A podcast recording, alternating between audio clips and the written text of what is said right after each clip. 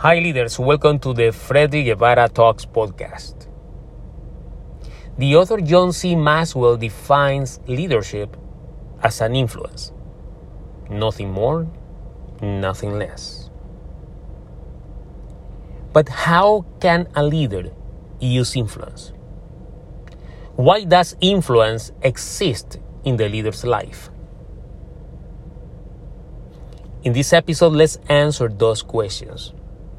I will tell you why does influence exist in leadership.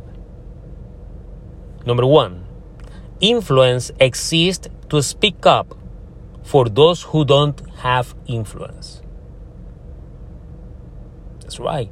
A leader uses influence to defend, to represent, to be the voice that many people don't have.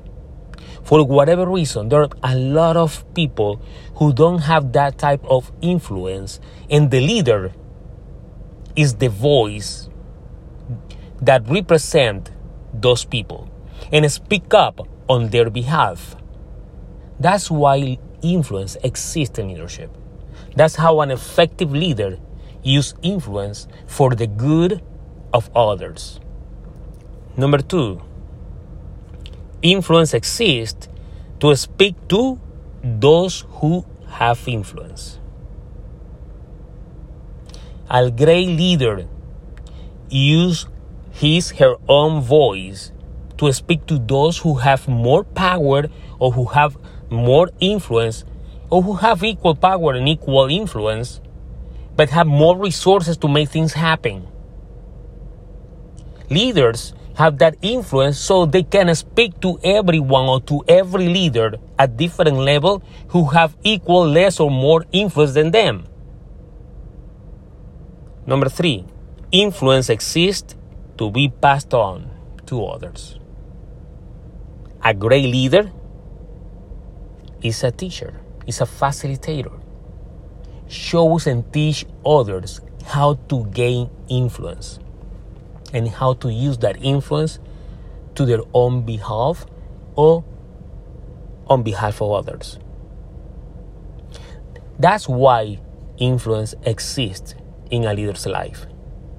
And a great leader, every time that you see a great leader, a great leader uses influence in these three ways. Is the voice for those who don't have influence. Use influence to speak to those who have more power, who have influence, and to have the resources to make things happen. And number three, a great leader teaches others how to be influential in their world. I hope you can take this episode to your heart. You can share and comment to this episode because it's very important to remind leaders why they have that influence and how to use them. I know leaders that don't use influence as they are supposed to. So you work with a leader that doesn't do any of these three things or doesn't use influence in one of these three ways, remind them why he or she is a leader and remind them how to use influence for the benefit of the majority of people.